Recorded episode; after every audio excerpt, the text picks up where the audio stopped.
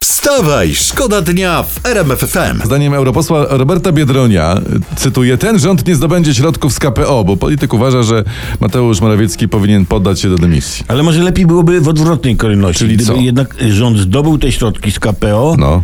a później premier podał się do dymisji. Nie, na, rozumiesz? najpierw obowiązki, potem przyjemności. Nie? Wstawaj, szkoda dnia w RMF FM. Wyczytałem właśnie, że słuchajcie, pojawiła się nowa wersja ustawy mrożącej ceny ciepła. Zmrozić ceny ciepła? Mrozić ceny ciepła. Przecież to genialne. Nie. Tylko, tylko trzeba uważać, żeby nie przegrzali cen węgla. Wstawaj, szkoda dnia w RMF FM.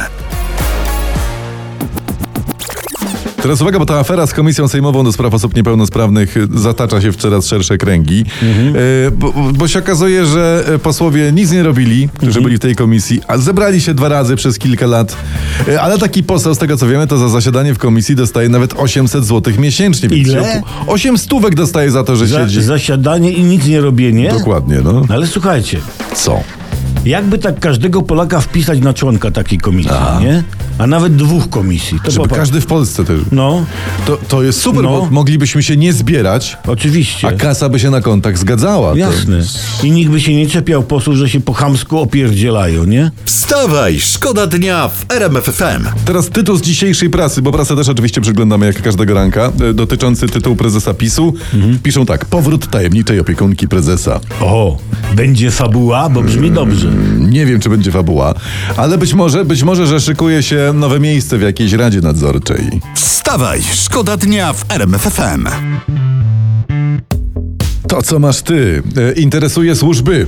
E, s- e, Służby specjalne, r- różne nasze, to jest temat zresztą z radiowego korytarza sprzed chwili. Mhm. E, b- Będą miały dostęp, i to rozpala w ogóle cały kraj. Służby Mhm. będą miały dostęp do naszych mediów społecznościowych, telefonów i tak dalej, f- Facebooków różnych. Wprowadzone zostaną też e-paragony, e-faktury i to wszystko będzie w telefonach, więc No. władza będzie mogła z tego wszystkiego korzystać. Będzie nas miała jak na widelcu albo na patyku. Wszystko będzie można sprawdzić. Wszystko o nas będą wiedzieć, się Ale okazuje. człowiek uczciwy, a szczególnie uczciwy i biedny, nie ma się czego bać. Dokładnie. Nie. Z tym, że służby mogą w ten sposób na przykład skompromitować z politycznego polecenia dowolną osobę.